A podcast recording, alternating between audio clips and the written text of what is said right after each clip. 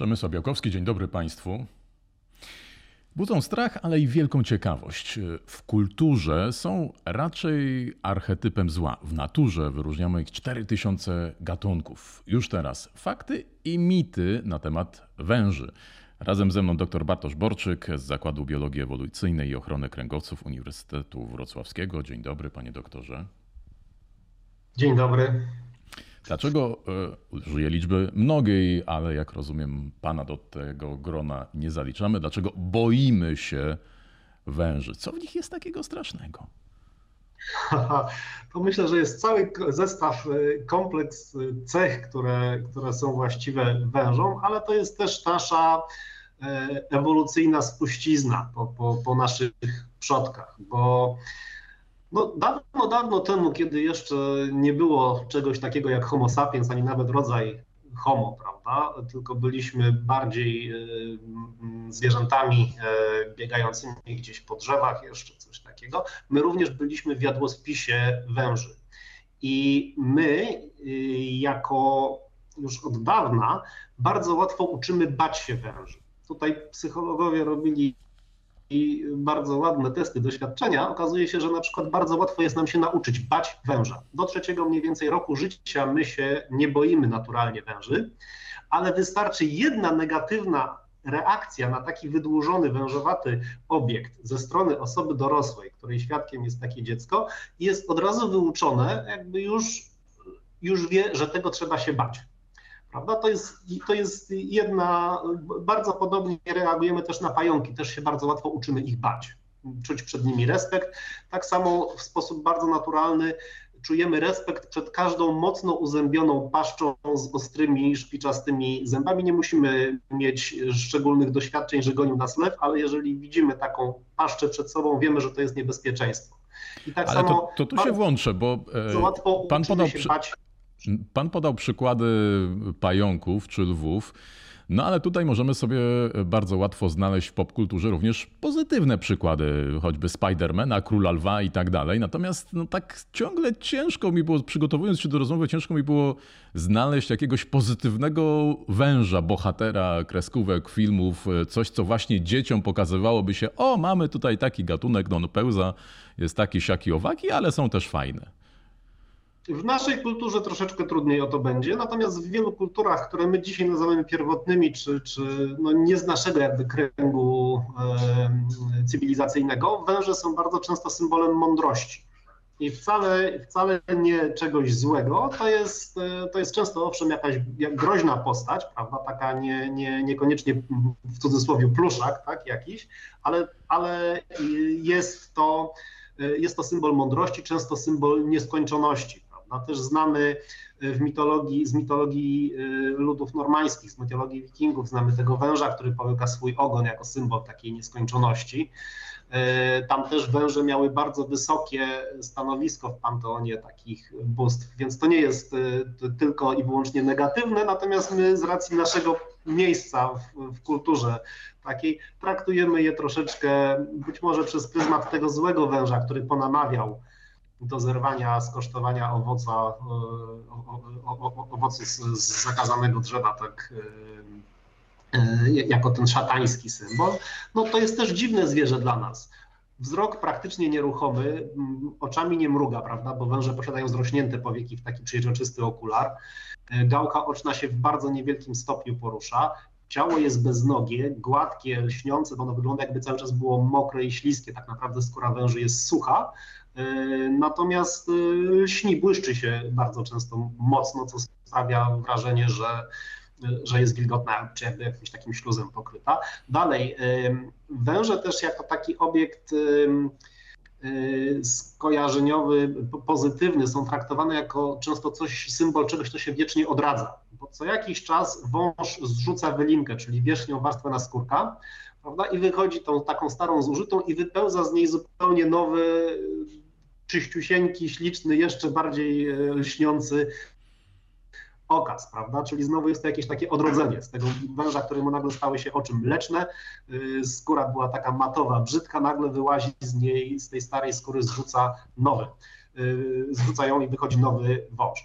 A poza tym w naszej strefie znowu, tylko to zostało bardzo mocno niestety ograniczone przy, kulturowo-religijnie troszeczkę. W wierzeniach dawnych Słowian, i, i, ale też ludów pruskich, na przykład niektóre węże przynosiły szczęście Zaskroniec, jeżeli był w obejściu, uważano, że to przynosi, to jest dobry symbol, że on przynosi szczęście. To tak jak dzisiaj wszyscy cieszą się, że mają bociana, prawda? Czy, czy jest to takie pozytywne, że jeżeli gdzieś na jakimś domu jest e, dach, buduje sobie gniazdo bocian, to jest to pozytywne. Tak, a kiedyś było to, że jeżeli gdzieś w oborze zamieszkał zaskroniec, no to, to, to znaczy, że tutaj też dobrze się darzy. No cieszę się, że pan e, pokazał te pozytywne strony, czy pozytywną symbolikę e, węży, e, ale ja jeszcze nawiążę do tego, o czym pan wspomniał na początku, że ten pra, pra, pra, pra człowiek był w jadłospisie węży, no a jak to jest obecnie? Czy realnie węże są groźne dla ludzi? No i tak mówiąc obrazowo, no, czy, czy faktycznie to jest mit, czy to jest prawda, że wąż byłby w stanie pożreć człowieka. Y, niestety jest to prawda, wąż jest w stanie człowieka, ale my mówimy w tym momencie o największych okazach pytonów, które osiągają po kilka metrów, prawda? I tu bardzo rzadko tak naprawdę dochodzi do, mm, do takich sytuacji. Jest, corocznie zdarzają się takie, takie incydenty, takie no, no wypadki, dramaty. Mm, natomiast tutaj musimy wziąć pod uwagę, że wąż, który będzie w stanie połknąć e, człowieka, zjeść, połknąć w całości, bo to w ten sposób e, węże nie porcjują, poza kilkoma wyjątkami, nie porcjują swojej zdobyczy, prawda? Więc e, tutaj musimy mieć do czynienia z wężem, który będzie miał dobrze ponad 5 metrów długości, żeby był w stanie mm, przymierzać się do zjedzenia człowieka i to raczej będzie osoba drobniejszej budowy niż, niż ktoś, ktoś słusznych gabarytów, prawda? E, więc e, rzeczywiście to jest, ale to jest kilka gatunków i bardzo ograniczone miejsca na, na, na mapie świata, gdzie one występują, gdzie możemy mieć e, do czynienia z taką sytuacją. Natomiast rzeczywiście węże mogą się przed nami bronić i wtedy też mogą być groźne. Mam na myśli głównie węże jadowite, prawda? Które po prostu, jeżeli czują się zagrożone, zaatakują nas, ukąszą nas. Ale do tego nie dochodzi, tak, to, to, to jest bardzo rzadka sytuacja, żeby wąż nieprowokowany tak naprawdę starał się zaatakować człowieka. Najczęściej mamy sytuację taką, że ten wąż został nadepnięty, dotknięty. Najwięcej popędza niestety, kiedy ktoś próbuje tego węża złapać. No, a wąż się broni po prostu, tak? Także yy, tak naprawdę nie ma interesu w tym, żeby nas na przykład chciał kąsać, dla samego zabicia złośliwości, czegoś takiego, ponieważ jad z perspektywy węża jest bardzo kosztownym energetycznie y, narzędziem czy, czy, czy bronią, prawda? Więc po co marnować na coś, czego nie będę w stanie zjeść? To mi się nie opłaca. Trzeba mhm. tego użyć tylko w momencie ostatecznego zagrożenia, kiedy trzeba się faktycznie mocno, mocno bronić. Wspomniał Pan o tych największych osobnikach osiągających, gatunkach osiągających kilka metrów y, długości. No i jak mówiliśmy o tym jadłospis, jadłospisie, czy człowiek mógłby się w nim zająć. Mieliśmy kilka czy kilkanaście lat temu taki przypadek, Pan pewnie doskonale go zna, głośny, medialny, takie medialne show w jednej z amerykańskich telewizji, taki eksperyment, czy anakonda jest w stanie pożreć człowieka. Mieliśmy śmiałka, który E, miał specjalny kombinezon. E, no, ostatecznie ten eksperyment e, nie do końca się udał, bo Anakonda nie szczególnie była zainteresowana pożarciem, bardziej tam była kwestia być może ściśnięcia ręki, eksperyment przerwany. Co pan o tym myśli? No bo to oczywiście cel był, tak to było przedstawiane, że to ma zwrócić uwagę na las amazoński, na naturalne siedliska, niszczenie ich i, i, i tak dalej. No ale trzeba przyznać, że to była no, bardzo medialna sprawa. Po pierwsze, uważam, że było to zupełnie niepotrzebne męczenie i gnębienie y, węża, któremu się wciskał ktoś do, do paszczy, tak, do przewodu pokarmowego, potem z tego wyłaził. Dla tego węża to na pewno nie było nic, y, nic fajnego. Nie uważam, żeby to był najmądrzejszy happening, jaki kiedykolwiek wymyślono. E, raczej dręczenie, e, zupełnie niepotrzebne dręczenie zwierzęcia. Uważam, że są znacznie lepsze sposoby na zwrócenie uwagi na Puszczę Amazońską, na, na sytuację e, przyrodniczą. Jest to zupełnie niepotrzebne. Mm, nie wiem, budowanie mm, jakiegoś właśnie wizerunku węży ludojadów, tak, że ja tutaj wpełznę do węża, dam się połknąć, a potem z niego wyjdę, tak, bez zwracania uwagi tak naprawdę, jakie to może mieć konsekwencje zdrowotne dla, dla e, samego zwierzęcia. A dwa, buduje taki no niefajny, e, niefajny przekaz, e, niefajny wizerunek osób zajmujących się wężami to jest jakieś szukanie sensacji, ekscytowanie się wielkością tego, że to będzie w stanie kogoś połknąć, zagryźć, ugryźć, nie wiem. Tak jak kiedyś był słynny łowca krokodyli, o którym całe środowisko herpetologiczne mówiło, że jedno co pokazuje to jak nie być herpetologiem. Prawda? To jest spektakularne, pan pewnie pamięta też y, Jasne. skoki na krokodyla, żeby go złapać, nie wiadomo po co. Złapać, zrobić sobie z nim zdjęcie i wypuścić, tak, i, i, i robić yy, jakieś, jakieś nie, zupełnie niepotrzebne wokół tego zamieszanie, nie, nie mające jakichś merytorycznych podstaw. Tak samo jak pan pyta o tą biedną anakondę połykającą człowieka, to też jestem do takich happeningów raczej negatywnie nastawiony. Mhm. A jak wygląda w takim razie, jak e, może czy powinno wyglądać e, oswajanie e, węży, pokazywanie tych węży, ich prawdziwego oblicza, obalanie tych mitów? I znowu tutaj, no oczywiście może to trochę inna skala show, ale ja pamiętam z dzieciństwa, w szkole podstawowej mieliśmy taki pokaz, był prawdziwy wąż, dzieci mogły dotknąć palcem. Zastanawiam się, czy, czy to jest sensowny kierunek, czy nie, czy, czy to jest podobna sprawa, jak to, o czym przed chwilą e, mówiliśmy? Yy, więc e, są gatunki węży, które mają dość łagodny temperament, czy wręcz bardzo łagodny temperament, są od lat hodowane w terariach, one już nie pochodzą z odłowu, ze środowiska naturalnego. E, są to węże otoczone dobrą opieką, również weterynaryjną. I jeżeli są w rękach odpowiedzialnego terrorysty czy odpowiedzialnej osoby, to tutaj akurat uważam, że taki kontakt y, człowieka z wężem, prawda, laika z, z wężem, może właśnie przełamać mnóstwo stereotypów, y, oswoić człowieka z tym wężem, że to nie jest to, że gdzieś po, wpełza nam, nie wiem, zaskroniec, gniewoż czy, czy, czy inny wąż na podwórko i należy go zaraz łopatą na trzy y, poćwiartować, tak, bo, bo to strasznie niebezpieczne i okropne mm, zwierzę. I można nauczyć się te węże przynajmniej tolerować, jeżeli nie lubić.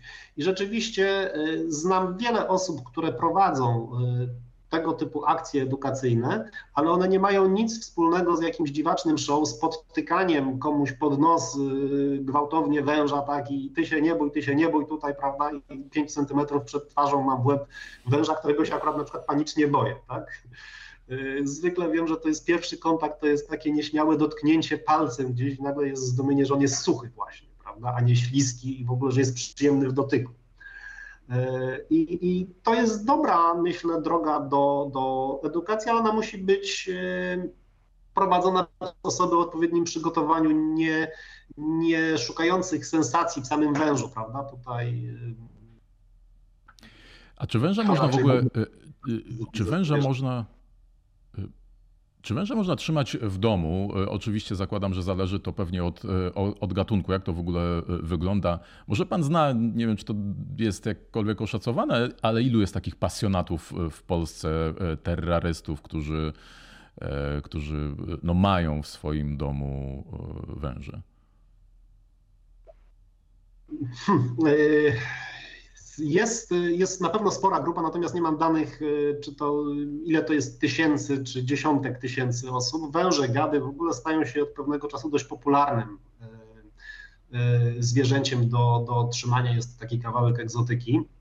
Coraz więcej tych gatunków jest rozmnażanych w profesjonalnych hodowlach, więc nie wywiera, to, czy wywiera to mniejszy wpływ, przynajmniej w przypadku niektórych gatunków, na środowisko naturalne. Natomiast rzeczywiście to jest druga strona takiego hobby, e, poszukiwanie jak najrzadszych e, i najbardziej spektakularnych gatunków i tutaj niestety jest to po drugiej stronie bardzo, bardzo dewastujące dla, dla e, środowiska.